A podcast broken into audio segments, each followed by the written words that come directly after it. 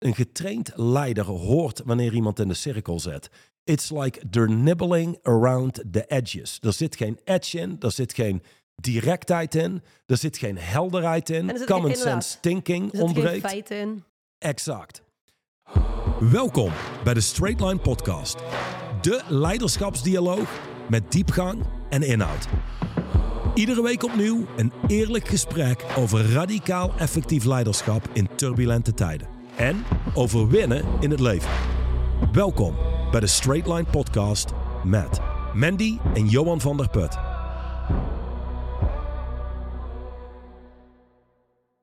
Er staan een aantal fantastische vragen helemaal bovenaan. Dat is gewoon het begin van het hoofdstuk. Waarom draaien we in cirkels? Ik dacht, als we nou gewoon die vier vragen eens eventjes doorlopen en daar antwoord op geven, dan hebben we ongeveer het hele boek gehad. Eh, dat is niet waar. Oh, dat is het mooi. hele hoofdstuk bedoel ik. Het Dus hele dit is onze laatste podcast. Het boek zit erop nu. En Ja, het hele hoofdstuk gehad. Dus de eerste vraag is, eh, waarom draaien we in cirkels? Dat is de eerste vraag van het boek. En eh, nou ja, goed, daar hebben we vast hele mooie antwoorden op, meneer Van der Put. Ongetwijfeld. Maar ik wil niet al het gras voor jouw voeten wegmaaien, want wij hebben een gesprek hier vandaag. Oké. Ehm, maar wel interessant. Laat ik zo zeggen, eh, beginnen bij het begin. Toen ik dit voor het eerst las, dit was een eye-opener. Oprecht. Omdat ergens in je leven merk je... Het, het tweede hoofdstuk bedoel je? Ja, de- het eerste, het tweede, het derde, het vierde, het vijfde hoofdstuk. De- Laat ik zo zeggen, de eerste vijf hoofdstukken. Dat lezen heeft mijn leven al veranderd, omdat één onderscheid heb ik nooit gemaakt. Is het verschil tussen een straight line leven, cirkelvormig leven, dan hebben we zigzag, dat komt volgende week aan bod. Maar toen ik dit aan het lezen was, dacht ik wel, wow, als ik eerlijk kijk, werkt toch vaak het beste, dan zijn er best wel wat cirkels die ik draai in mijn leven. En waarom draaien we die cirkels? In veel gevallen überhaupt omdat we niet eens zien dat, we in een cirkel zitten, maar we merken het wel. Dus je merkt het door wat frustratie en dat je niet vooruit komt en dat soort zaken. Maar echt opmerken, hey, luister, dit is een soort Groundhog Day die ik beleef. Iedere keer opnieuw dezelfde dag in een ander jasje. Vaak kost dat wat, ja, het kost distincties. Absoluut. Je zult Ja. onderscheid moeten kunnen maken. Dus waarom draaien we in cirkels in de basis? Omdat we de distincties niet hebben. We kunnen niet het onderscheid maken. Dus we zien überhaupt niet dat we in cirkels draaien. Ik denk dat het belangrijk is om te benadrukken voor iedereen die eh, nu deze podcast luistert en we beginnen net. Oké, besef goed, iedereen draait ergens in zijn leven in cirkels. En iedereen draait ergens in zijn leven een zigzagpatroon. En, en hopelijk draait iedereen ergens in zijn leven ook in de, in de straight line wereld. Maar ik ben toch van mening dat de cirkelwereld de grootste wereld is. Zeker eh, in, in onze huidige maatschappij. Ehm, de tweede vraag in dit hoofdstuk is: waarom blijven we eindeloos over een kwestie spreken. in plaats van dat we de kwestie gewoon aanpakken en oplossen? Eh, dat is natuurlijk eh, een, een heel interessante vraag. De waarom doet er eigenlijk niet eens heel erg toe. Ik denk dat het belangrijk is dat mensen in eerste instantie überhaupt zien dat ze eindeloos spreken over. Hè? Je hebt van die mensen die ehm, al tien jaar lang bezig zijn met afvallen. En ze spreken altijd over het feit dat ze af willen vallen. En ze hebben weer het nieuwste dieet en weer de nieuwste personal trainer aangenomen. Eh, maar het blijft over het algemeen bij heel veel spreken heel weinig resultaat. Ja, ze zien er altijd ongeveer hetzelfde uit, bedoel je? Ja, ja, Ja. exact. Ze zien er altijd ongeveer hetzelfde uit. Eh, en het gesprek is ook altijd hetzelfde. Dus hoe kun je nou herkennen waar in je leven je in, eh, in cirkels begeeft? In de basis, als je jezelf heel vaak hetzelfde hoort zeggen, wellicht net in een ander jasje, maar het resultaat onderaan de streep eigenlijk standaard hetzelfde blijft. Dan kun je wel zeggen, oké, daar is ergens sprake van cirkelgedrag. Ja, en mensen die in een cirkel zitten, in veel gevallen weten wat te doen, maar weten wat te doen en vervolgens doen wat je weet. Het zijn twee verschillende werelden. Ja, dus die staan los van elkaar. Dus op zichzelf zou je kunnen zeggen dat afvallen is super simpel. En ik denk dat eh, 99% van iedereen voldoende kennis heeft om af te kunnen vallen. Wat in zou houden, wat als ik nou alles waarvan ik weet dat het ongezond is, skip, de chips, de McDonald's, de friet, alle zooi. En Is, dat, is dat allemaal ongezond? ja, nu de eye-opener. McDonald's. Oh, nu snap ik het. Ja, ehm, maar dat stoppen en dan start je te doen waarvan je weet dat het wel werkt.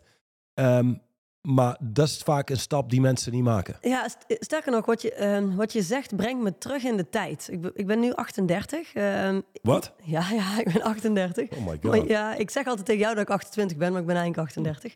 Ehm, toen ik 19 was, opende ik mijn allereerste winkel. Hè. Ik, ik- eigenlijk in mijn, eh, mijn eindstageperiode, er was niet echt een, een goed stagebedrijf. En ik had de mogelijkheid om een winkel te openen. Ik werkte destijds in de fitnessindustrie, ehm, in een sportclub. En ik kon een winkel openen in voedingssupplementen, vechtsportartikelen en al die andere gekkigheid. Nou, dat deed ik. En in die winkel verkocht ik dus voedingssupplementen. Maar uiteraard deed ik ook mensen ehm, begeleiden. Hè? Op het gebied van voeding en training moesten ze vooral bij hun trainers zijn. Ehm, dat was eigenlijk best wel best een vermoeiende job. Eh, in die zin, vermoeiend. eh, saai, boring. Want mensen kwamen iedere keer met hetzelfde gezeur en weinig resultaat werd geboekt. Tot de dag dat ik echt een heel briljant idee had, zonder dat ik enige notie had van straight line leadership. Ehm, en ik kan me dat nog heel goed herinneren. Ik was eh, eh, achter in mijn keukentje van de winkel. En ehm, er was een, een, een nieuwe cliënte die kwam. En zij had behoorlijk wat overgewicht. En wat ik altijd deed, is wat standaard, denk ik, alle personal trainers doen. Is het moment dat we kijken naar voeding, schrijf nou eens een week lang op wat je nou eigenlijk, sorry, drie dagen. Ik vroeg altijd drie dagen. Schrijf nou eens drie dagen lang op wat je nou eigenlijk daadwerkelijk eet ehm, en hoe je dag eruit ziet. Nou, dus ik, ik zie die, eh, die, drie, die, die drie dagen, zeg maar, voor me. Hè? Ze hebben dat mooi op een A4'tje geschreven. En ik kijk daarnaar. En ik kijk vervolgens naar haar.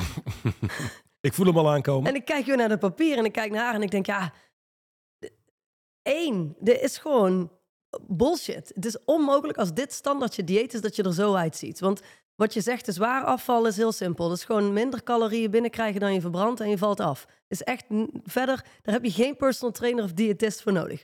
Dus het eerste wat ik deed, en dat vond ik interessant, want ik kwam erachter, hé, hey, mensen liegen. Mensen liegen tegen mij, maar waarschijnlijk liegen ze ook tegen zichzelf. Dus dat was een, een inzicht wat ik daar eigenlijk kreeg, terwijl ik daar al een periode mee bezig was. Dus ik pakte een pen en ik zei tegen haar, hier, ik, ik geef je deze pen. Ik loop even naar achter, ik moet even een paar dingen doen in de keuken. Ik kom zo terug. Ehm, schrijf jij nou eens op, gewoon bij deze dagen, wat je ook gegeten hebt, maar wat je bent vergeten op te schrijven. Want ik denk dat jij en ik allebei weten dat je eigenlijk iets vergeten bent op te schrijven. En toen kwam er een beetje zo'n glimlachje en zei ik, en dat is helemaal oké. Want dat doet namelijk iedereen. Iedereen laat dingen weg van dit papier. Maar ik kan je alleen helpen als we eerlijk worden met elkaar. Hè? Zoals we vorige week zeiden, in hoofdstuk 1, je zal eerst bij A moeten zijn, wil je naar B kunnen gaan. Ja. Nou, op een of andere manier had ik blijkbaar een, eh, een, een manier van die vraag stellen... Wat, wat haar de ruimte gaf om heel eerlijk te worden. Zoals je het net al deed. Zeer vriendelijk, met veel ruimte. Exact, ja, Ja. Geen oordeel, helemaal oké. maar ik wist gewoon dat is wat er speelt. Dus ik kwam terug achteruit mijn keukentje. Dat was een heel schattig klein keukentje. Dat is mijn eerste bedrijf natuurlijk. Ehm, en ik, ik ging weer bij haar zitten en ik draaide dat papier om. En toen dacht ik, oké. Oh, super te gek. Weet je, we, we zijn nu eerlijk aan het worden met elkaar. Nu kunnen we iets. En toen heb ik eh, twee dingen gedaan. Ik heb haar een, een eh, gele markeerstift gegeven. En ik heb haar een zwarte dikke stift gegeven. En ik zei tegen haar, oké, wat je nu voor me gaat doen, is markeer nu eens van alles wat hier op dit blad staat, waarvan je weet, het is goed om te eten. En hier kan ik prima meer van eten. Dat markeer je geel. En doe eens met deze dikke zwarte stift doorstrepen waarvan je weet, mm, daar zou ik eigenlijk niet moeten eten. Of misschien maximaal één dag in de week of zo mezelf dat toelaten en that's it. Ja, zo gezegd, zo gedaan. Zij begint heel mooi te arceren, ze begint heel mooi te strepen. En heel eerlijk, je hoefde geen diëtist te zijn om te zien, ah, d- dat klopt, zeg maar. Dat klopt wat ze daar doet. Ehm, en dat is letterlijk waar ik haar mee naar huis heb gestuurd. Laten we afspreken dat je vanaf nu eet wat geel is en niet meer of maximaal één dag in de week eet wat zwart is. Volgens mij zijn we er dan. Ja. En ja, dit was wel echt te gek, want zij is mega veel afgevallen. Mega veel. Ik geloof in, eh goh, het is, het is natuurlijk eh 19 jaar geleden. Ehm, maar in één jaar tijd, zeker 20 kilo was eraf. 20 kilo. Zonder dat ze het gevoel had dat ze extreem aan diëten was, zich aan schema's moest houden, calorieën moest tellen. Want ze wist Common sense thinking. Exact. Ze wist donders goed, dit wel en dit niet. En als je mij nu vraagt, achteraf gezien, wat, wat heb ik destijds gedaan wat haar zo geholpen heeft, is ze eigenlijk haar brengen bij punt A en haar eerlijk maken over wat er werkelijk afspeelt in haar Ja, leven. door jouw vraag wordt iemand gedwongen om eerlijk te kijken. Exact. En mijn ervaring is wel door de afgelopen jaren mensen verzamelen heel veel zelfbedrog in een persoonlijkheid. Mhm. Ehm, je hebt het over afvallen. Ik zag ooit een, ehm, een video, echt maar van vijf minuten. Twee wetenschappers, onderzoekers, die staan op straat en die spreken mensen aan met veel overgewicht. Met de vraag of ze mee willen doen met een onderzoek. Lang verhaal kort. Zij vinden een dame die zegt: Interessant, ik ga meedoen met een onderzoek. Ik denk 20, 30 kilo overgewicht. Dus een, eh, een serieuze tante zou je kunnen zeggen. en allereerst moet zij een dagboek bijhouden. Wat ze eet. En dat komt uit op 1500 calorieën per dag. Nou, dat is, zeg maar, dan heb je een negatieve caloriebalans hè, als vrouw. Dus dan zou je af moeten vallen. Dat was hetzelfde als ik. Dan kijk je naar de blaadje en je kijkt naar haar en je denkt, dat kan niet kloppen. Je kan Nee. niet dat je dit eet. Eh, Exact. Exact. Nou, dus stap 2 was, weet je wat we doen? We doen een, ehm, een eh, videodagboek. Iedere keer als je iets gegeten hebt, dan maak je een video en dan geef je aan wat het was wat je had. Toen kwam ze op 1500 calorieën. Toen zeiden ze, weet je wat we nu gaan doen? Dit is de laatste fase van ons onderzoek. Ehm, ze moesten een speciaal soort water drinken met markers erin, waarbij ze achteraf door het opvangen van urine precies konden zien wat ze binnen had gekregen. Dit was ehm, de uitkomst. Iets meer als 3000 calorieën. Dus meer dan het dubbele. Daar moet bijgezegd worden, en dit is ook interessant. Zij deden allereerst een onderzoek met hoe is haar stofwisseling. Want ze zei allereerst, ja, bij mijn familie hebben we een trage stofwisseling. Een traag schildklier waarschijnlijk. Ja, traag schildklier en dan de stofwisseling. Dan werd ze aan zo'n apparaat gelegd, daar moest ze ook mee slapen. Nou, wat kwam daaruit? Niks aan het handje. Nee, nee, sterker nog, je verbrandt bovengemiddeld veel calorieën in rust. En deze dame was wel brutaal eerlijk. Die zei: Je zou zeggen dat ik blij ben, maar ik ben niet blij. Het voelt alsof al mijn redenen en excuses weggehaald zijn. En dat is een onderdeel van mens zijn, jezelf voor de gek houden. Er wordt wel eens gezegd in straight line leadership dat 80% van wat er uit de mond van mensen komt, is een leugen. En daar bedoel ik niet mee een leugen zoiets als... ik heb gisteren mijn buurman vermoord en begraven in een weiland. Maar ik vertel het tegen niemand. Dat zou echt een, een, een dark secret zijn. Maar in dit geval, ze liegen tegen zichzelf doordat ze dingen mooier maken. Ze maken dingen slechter. Nou, dat ze zijn als het ze uitkomt. Denk aan iemand die ziek meldt. En, en hoe gaat het? Ah, nee, nee, echt niet goed. Maar komt goed uit dat het niet heel goed gaat. We maken het iets erger. Ehm, dat heeft consequenties. Want je pakt niet iets aan wat er niet is. Dus het liegen tegen jezelf is een belangrijke. Het niet eerlijk willen kijken. Of gewoon niet eerlijk kijken. Wat, eh, wat jij deelde is een belangrijke. En dat houdt mensen in een cirkel. Ja, en ik denk dat wij ehm, op dit moment in een tijd leven waarin het natuurlijk. Eh, weet je, zij had toevallig iemand als ik, waar ze in een winkeltje kwam met voedingssupplementen en die haar wat ging helpen met haar voeding. Die, die toevallig heel eerlijk was. En die ook de ballen had om zo eerlijk te zijn. Terwijl ze heel vriendelijk kon blijven. Maar we leven natuurlijk in een maatschappij en in een tijd waarin het ja, bijna verboden is om eerlijk te worden. Zei jij daar straks niet iets tegen Ja, mij? Wat zijn de nieuwe Dit spelregels? is schitterend. Ja, Ehm, je zult in deze podcast af en toe de politiek voorbij horen komen. In het daglicht zoals het voorbij hoort te komen. Is gewoon één fucking bende. Het is echt een bende. Maar het wordt erger. Ehm, laat ik een introductie geven. Ik keek ooit naar een debat en daar ging het over de toeslagenaffaire. En er is een afdeling ehm, binnen het ministerie. Wat werd aangeduid door iemand die dat beleid aanviel. Als een banencarousel. Luister, er zitten alleen maar mensen om hun carrière een boost te geven. Probleem daarvan is, is dat we niemand verantwoordelijk kunnen houden.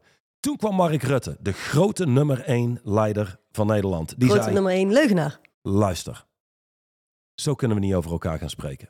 Want we zijn allemaal collega's die nog een actieve carrière hebben. Dus zo kunnen we niet spreken, zo gaan we niet met elkaar om.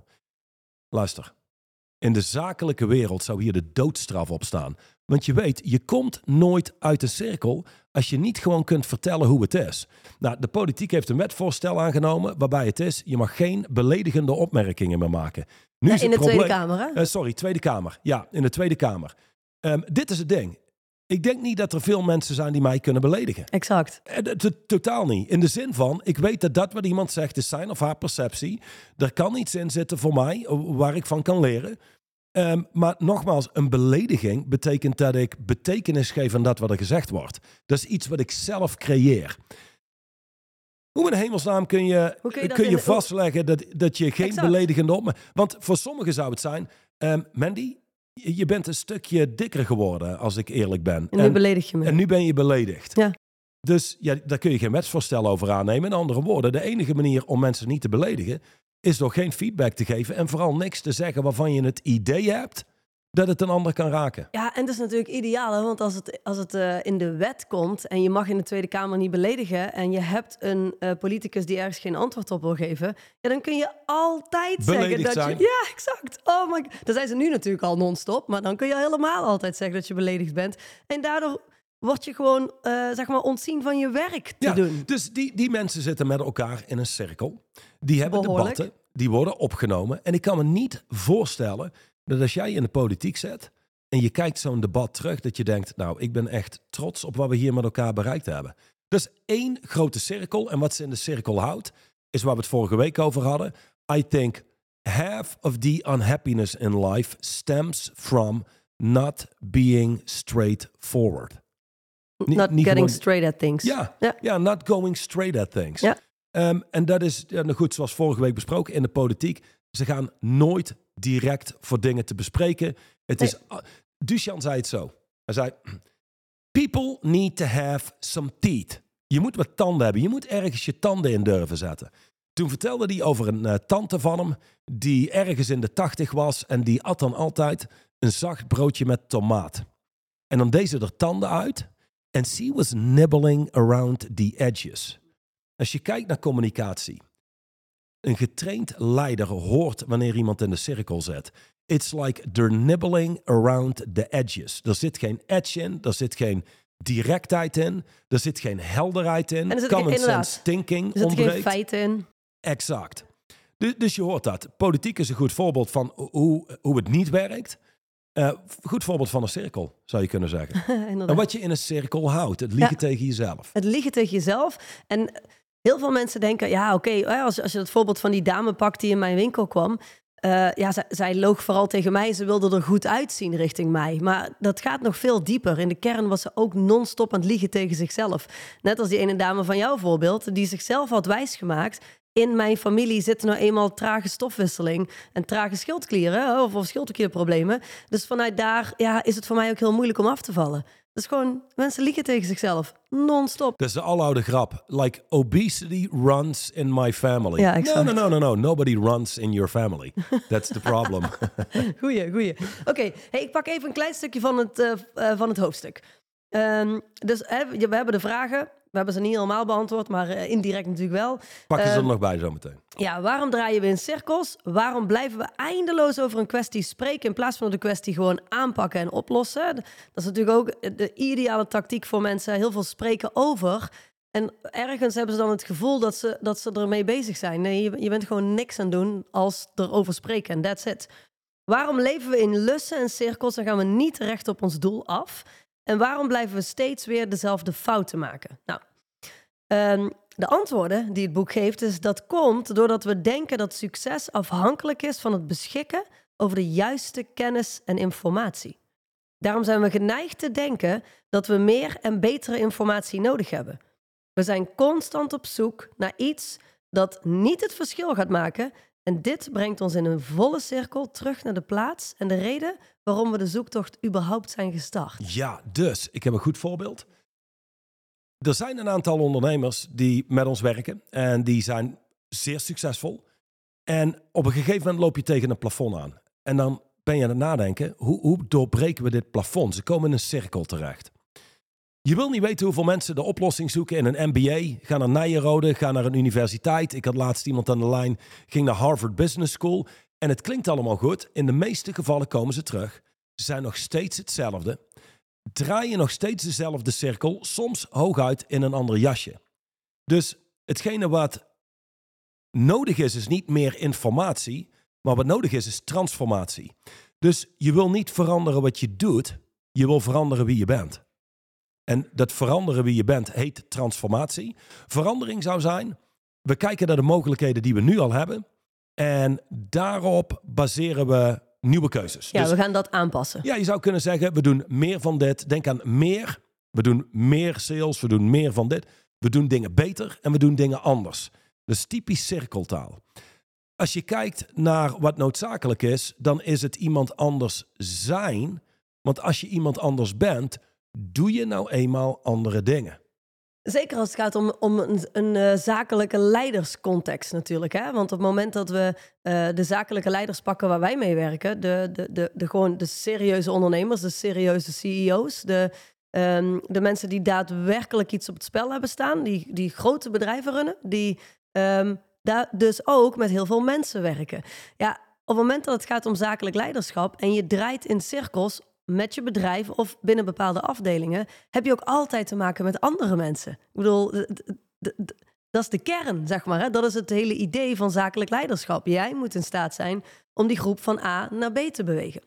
Nu, uh, nieuwe informatie zou, erin gooien. Geven, trouwens? Ja, zeker. Doe maar.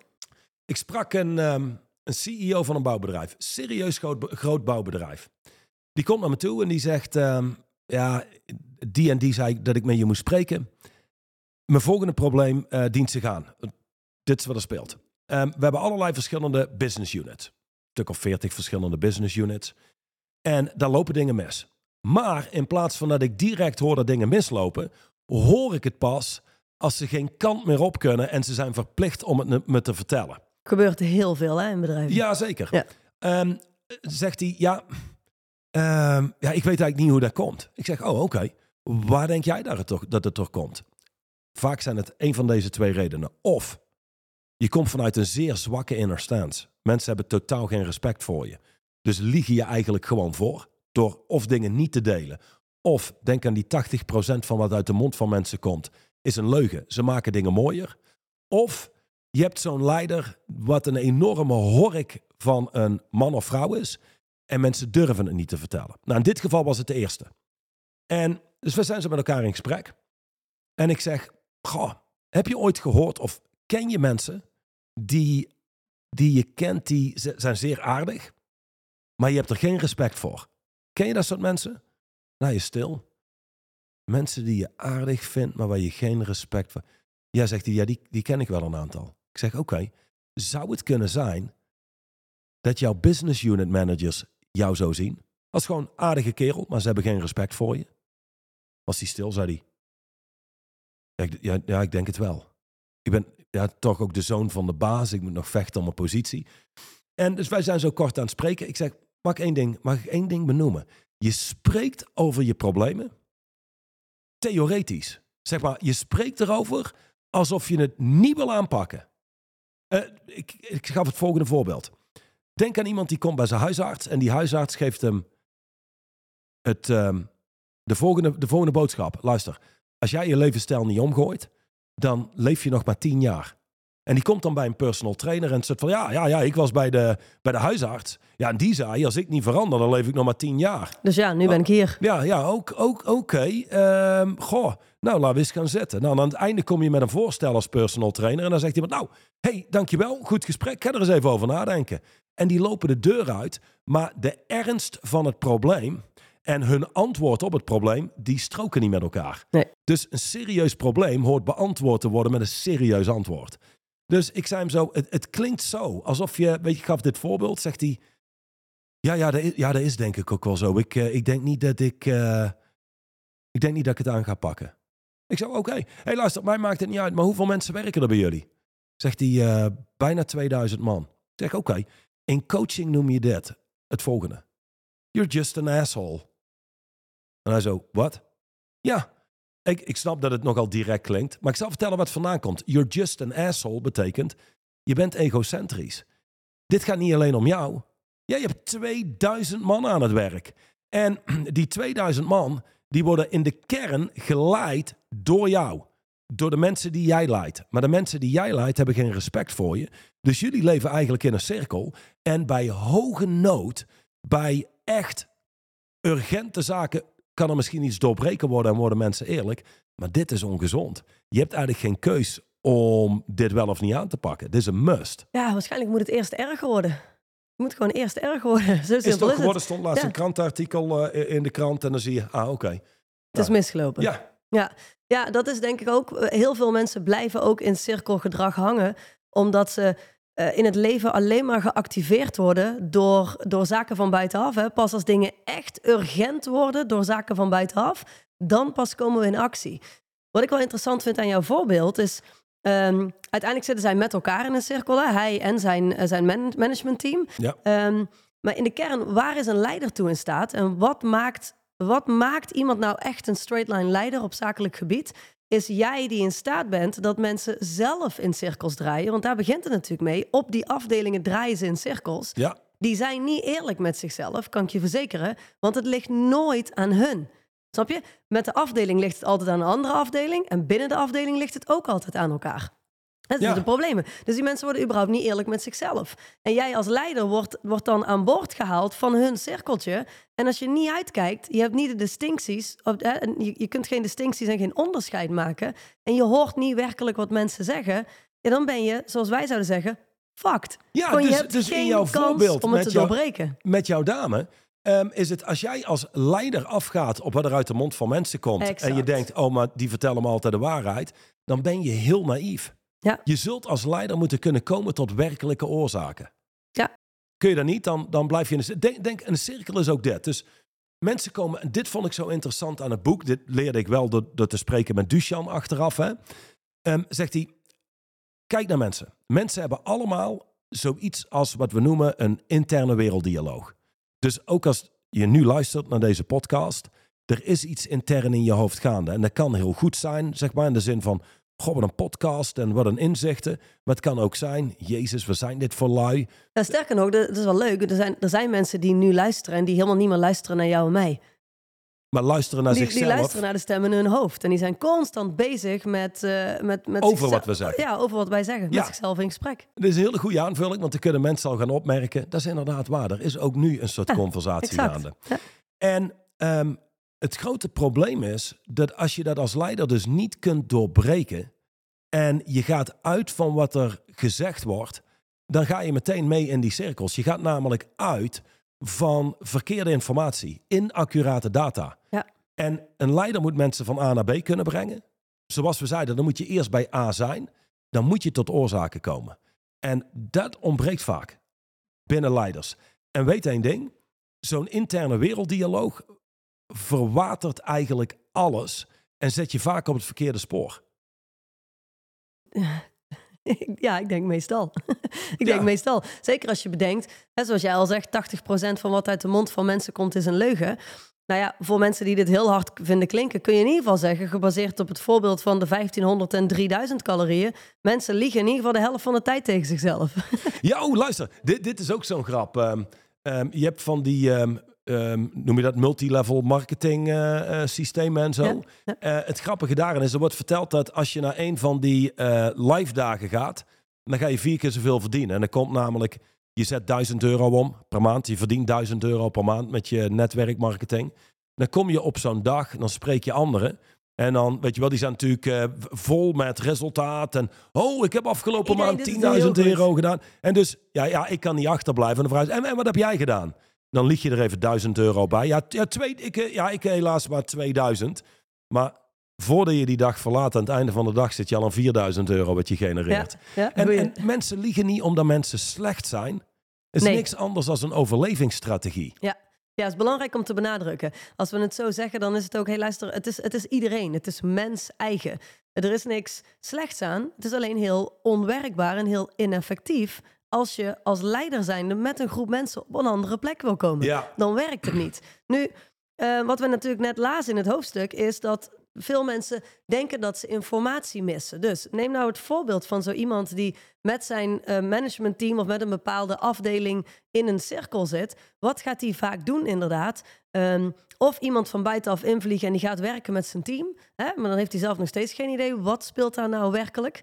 Ehm, of ze gaan het team opleiden, dus zorgen dat de mensen in het team meer kennis krijgen. Of ze gaan zelf eindeloos veel eh, kennis opdoen over inderdaad leiderschap, business, het runnen van afdelingen. Hel, ik heb zelfs ondernemers gesproken die opleidingen gingen volgen eh, in bijvoorbeeld de, wereld van ICT, zodat ze beter begrepen wat hun IT-afdeling nou eigenlijk zei. Is natuurlijk complete nonsens, volledig overbodig.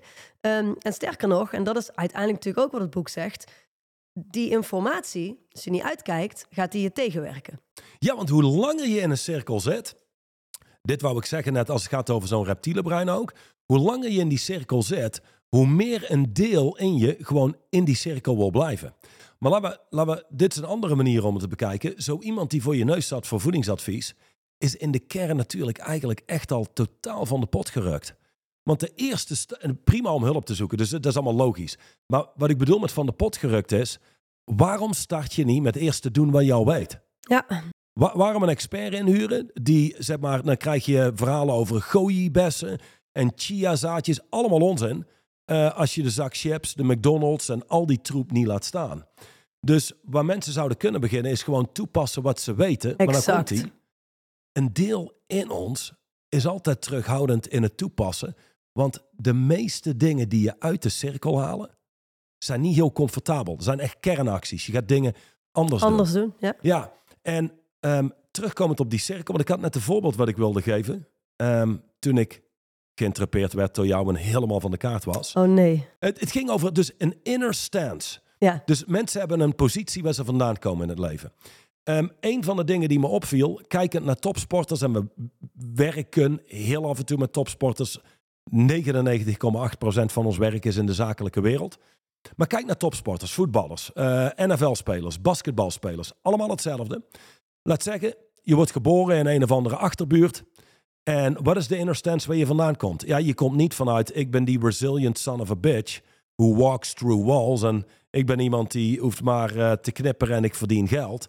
Dat is niet waar ze vandaan komen. Over het algemeen is het van, hé, hey, eh, ik kom hier uit de achterbuurt. Ik kan goed voelen, voetballen of whatever. En dat was het wel zo'n beetje. Die hebben een carrière, verdienen miljoenen, zijn klaar met een carrière binnen drie jaar Alles kwijt. alles kwijt, alles op. Denken mensen, hoe kan dat? Dat is een perfecte cirkel, want een reptiele brein wil altijd terugkomen naar wie we in de kern denken te zijn. En als de professionele voetbalidentiteit wegvalt, wat blijft er dan over? Die jongen uit de achterbuurt. En dat is niet iemand met geld. Dus het is heel raar, maar een inner stance, vanuit daar vloeit altijd voort wat we doen. Dus dat geld uitgeven, wat iemand doet, vloeit voort uit wie iemand is. Dus vanuit die inner stance kom je ook altijd weer terug in, ik heb geen geld. Dat is ongelooflijk. Zijn basketbalspelers 200 miljoen dollar eh, gewonnen, wou ik zeggen, maar verdiend. En nu werken bij Starbucks.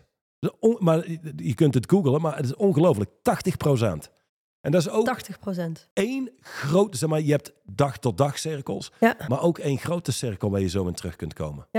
Ja, eh, go- eh, heel goed voorbeeld natuurlijk. Hè. Uiteindelijk, ehm, je, zegt net, je zegt net een aantal dingen. Je hebt in deze podcast interne werelddialoog benoemd. Je hebt reptiele brein benoemd. Je hebt inner stance benoemd. In de kern is het inderdaad zo een deeltje van ons, van iedere mens, dat noemen wij het reptiele brein, ehm, dat wil, eh, zeg maar, de, de, de inner stance die diep van binnen zit, soort van beschermen. En Ja. uiteindelijk altijd zorgen dat dat weer de, de manier is waarop je door de wereld loopt. De manier is waarop je jezelf, maar ook anderen je zien. Ja, Ja. Ja, denk aan, ehm, dit was een voorbeeld wat Duchan eh, eh, gebruikte toen we net startten. En eh, een voorbeeld wat ik duizenden keren heb gebruikt, maar dit, dit brengt wel de cirkel in kaart. Hij zegt dus, I know a guy, his name is Fred. En Fred werkt in een supermarkt, heeft geen vriendin, is een jaar of veertig oud. En ouders zijn zeer succesvol en hij woont in de kelder. Dat is in Amerika, mensen wonen in de kelder. In de kelder bij papa en mama. Ja, exact. Ouders zeer succesvol. Ehm, er is een feestje en een van de ooms van Fred eh, is daarbij aanwezig. En die kijkt zo naar hem en die zegt... Dit is eigenlijk geen leven. Je bent 40 jaar oud, hebt niet eens een vrouw, een vriendin, nooit gehad. In ieder geval niet dat ik weet. Je werkt in een supermarkt, oh ja, en verslaafd aan gamen. In de kelder, Ja, logisch. dus die oom, die leent hem 50 of 100.000 dollar om allerlei seminars te volgen die die oom ook gevolgd heeft. Dus hij vliegt naar Londen en hij vliegt naar daar en hij vliegt naar daar en hij volgt al die seminars. Vervolgens moet je eens vragen, 12 maanden verder, waar Fred woont. Ik schat zo in, in de kelder, bij zijn papa en mama. Nog steeds verslaafd aan gamen. Nog nooit in zijn leven seks gehad en een vriendin of een vrouw. Ehm, en werkt in de supermarkt.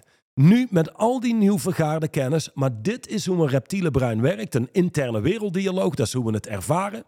Want je ervaart geen reptiele brein. Je ervaart dat als een soort van stemmen in je hoofd. En zo zei Duchamp, Duchamp het. Well, you know, a reptile brain will always kick the can down the road. Ja. It is never now. So, dan komt hij terug. En we hebben al die kennis. Ja, ja, ja, nu, eh, nu, nu gaan we dan beginnen. Nu gaan we voor onszelf iets starten. Ja, maar nu en weet je wat we doen? eerst even al die aantekeningen nog goed Ja. ordenen. En, En ik moet even die sales, dat sales moet ik goed doornemen. Ja. Want het heeft geen nut als ik dadelijk al die potentiële klanten heb, maar ik kan ze niet. En het reptiele brein gooit ongelooflijk veel zooi naar je toe, maar mensen trappen erin. In andere woorden, ze trappen in hun eigen gecreëerde verhalen. Nou, dus zo'n, dat houdt je in een cirkel. Ik vind het wel heel mooi dat je dat zegt. Want dat is natuurlijk ook wel een manier waarop eh, de luisteraar zou kunnen herkennen eh, wat hem in een cirkel houdt en, en waar die in een cirkel zit. Want inderdaad, op het moment dat we ons begeven in de cirkelwereld, is het nooit nu. Nooit nu. Ja, Het is altijd morgen, volgende week, volgende maand, als ik dit, als ik dat boek nog gelezen heb, als ik die training nog gevolgd heb, als ik die persoon gesproken heb. Whatever. Het is, het is nooit nu. Op het moment dat je jezelf dat hoort zeggen, je weet dat er een bepaalde shift gemaakt moet worden, je weet dat een bepaald gedrag geïmplementeerd, whatever het dan ook is, en je, en je verklaart het niet nu, dan zit je in de cirkel. Ja, precies. En weet je 100%. wat het is? Voor de meeste mensen is het nooit nu. Het is altijd later. En radicaal eerlijke mensen weten, later is codetaal voor. Oh, nooit. Gaat gewoon niet gebeuren. Nee. Dus Uitstel van uitstel komt afstel. Ja. Hè? In, die, in, die, in die basis, eh, hoe noemen we dat, eh, Nederlandse, oer-Hollandse uitspraken zit Weet je, ja. heel veel wijsheid. Maar die oer-Hollandse uitspraken waar heel veel wijsheid in zit, zijn zo platgeslagen dat mensen ze horen, knikken. Ja, ja, ja, dat is, ja, dat is waar. Maar ze doen er niks mee. Nee, ja, da- daarom zijn ze ook zo platgeslagen.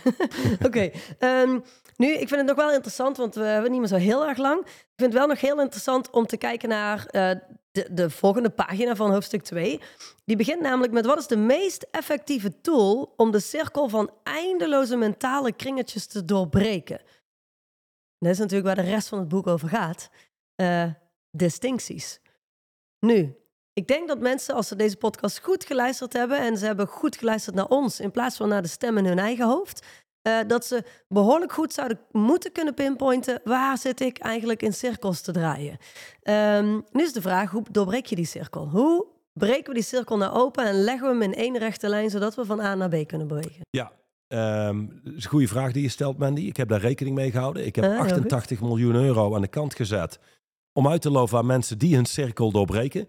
Want eh, als jij was gaan zitten met die dame die ehm, kwam voor voedingsadvies. En ik denk dat ehm, personal trainers zullen dit herkennen. Mensen komen bij je met, ik heb geen idee hoe ik het moet doen. Zo komen ondernemers bij ons met, ik heb geen idee hoe ik dat moet doen.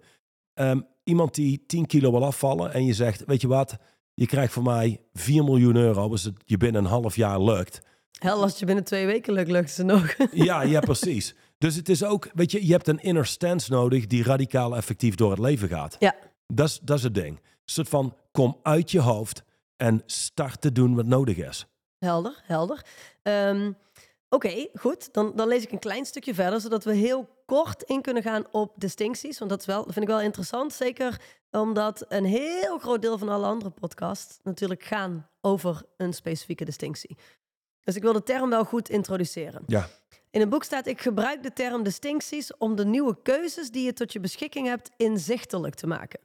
Distincties zijn tegenstellingen die tot de verbeelding spreken, zoals leven en dood, dag en nacht, winst en verlies. Deze benadering gebruik ik omdat tegenstellingen helder zijn. Er is geen verborgen subtiliteit, geen speelruimte en er ontbreekt geen informatie. Lees ook wel, er is geen politiek. Er is geen bullshit. Gewoon er zijn radicale geen- eerlijkheid. Leugens. Ja, en dus een distinctie creëert eh, onderscheid. Denk aan een oppervlakkige actie of een kernactie. Ja. Die, die komt nog terug in een van de podcasts. Maar dat maakt meteen een onderscheid. En wat ben ik eigenlijk aan het doen? Leidt dit echt tot resultaat? Precies, want mensen zijn heel vaak druk, druk, druk, druk. Hè? Want dat is dan de cirkel. En mensen zijn druk, druk, druk, druk, druk, druk, druk.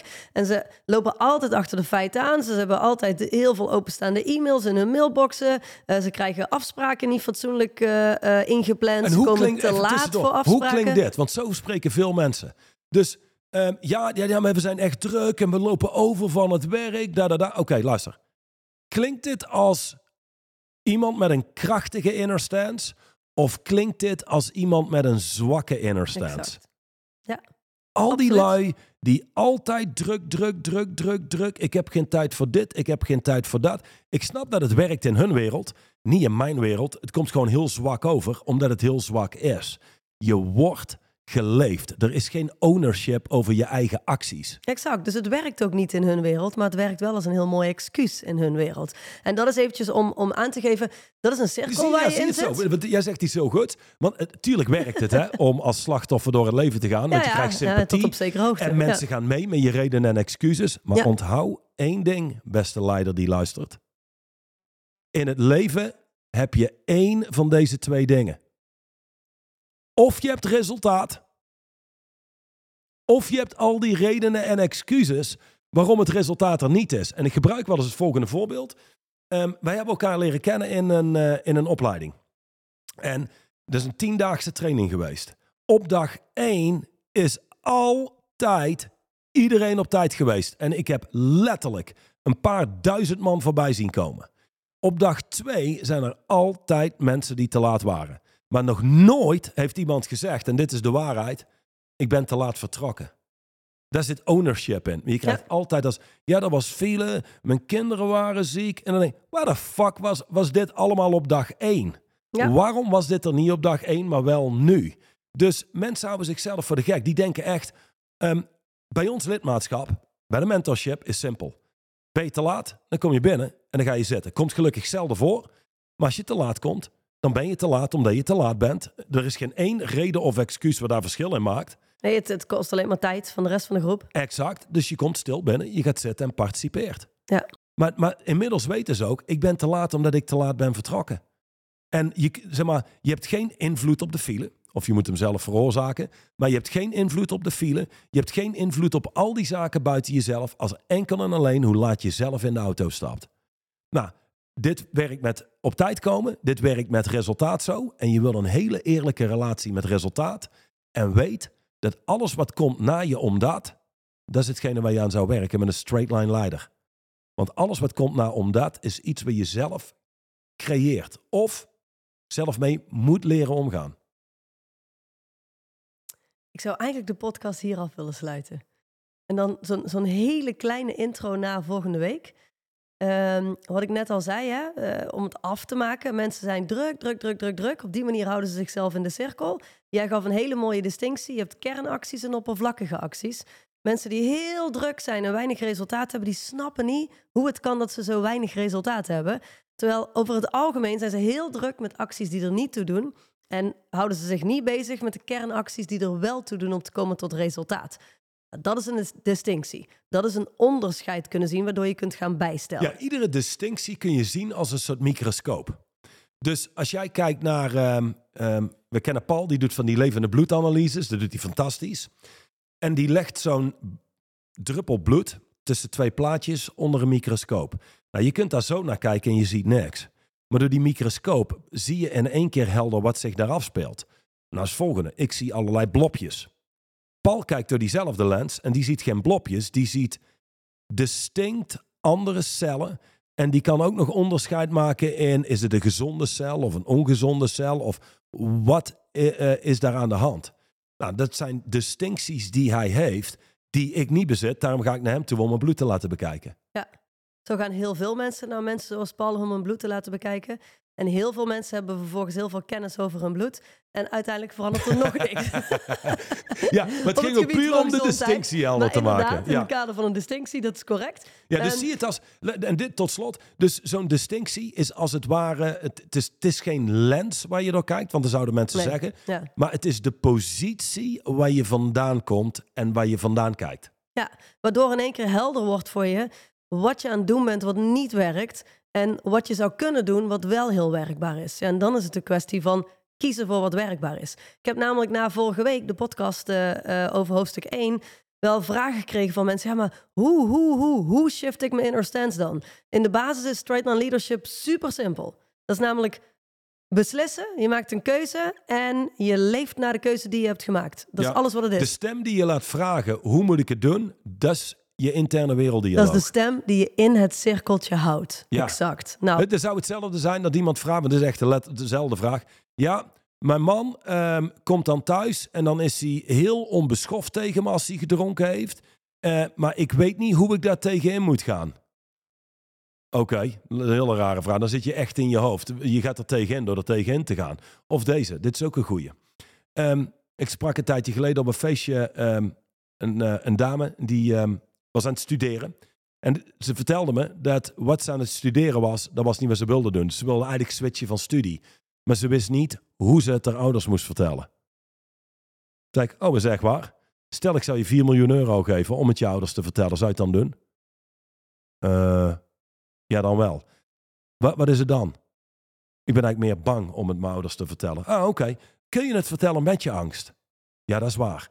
Dus ook de hoe-vraag is een manier om jezelf voor de gek te houden. Nu, stel je wil een of andere raket bouwen, zoals Elon Musk, om naar Mars te gaan. Ja, dan heb je competenties nodig. Maar in de meeste gevallen is het geen competentie die mist. Nee, geen competentie, geen kennis, maar gewoon een beetje lef, ballen en een krachtige inner stance. Ja. Dat is wat vaak mist. En die, en dat is het mooie van ons werk, heb je helemaal zelf in de hand, want die kun jij hier, nu creëren. Meer Ja. heb je niet nodig. Meer heb je niet nodig. Oké, volgende week.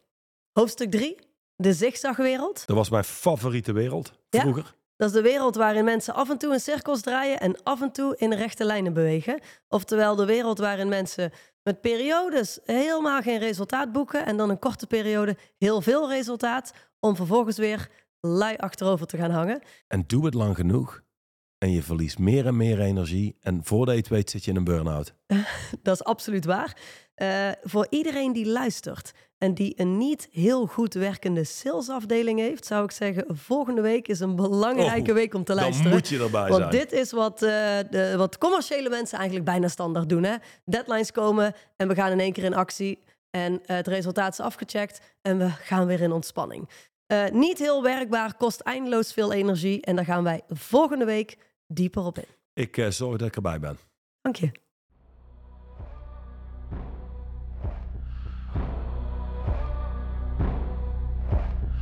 De overige podcast beluisteren of deze nog eens terugluisteren? Ga naar het YouTube of Spotify account van Straight Line Leadership.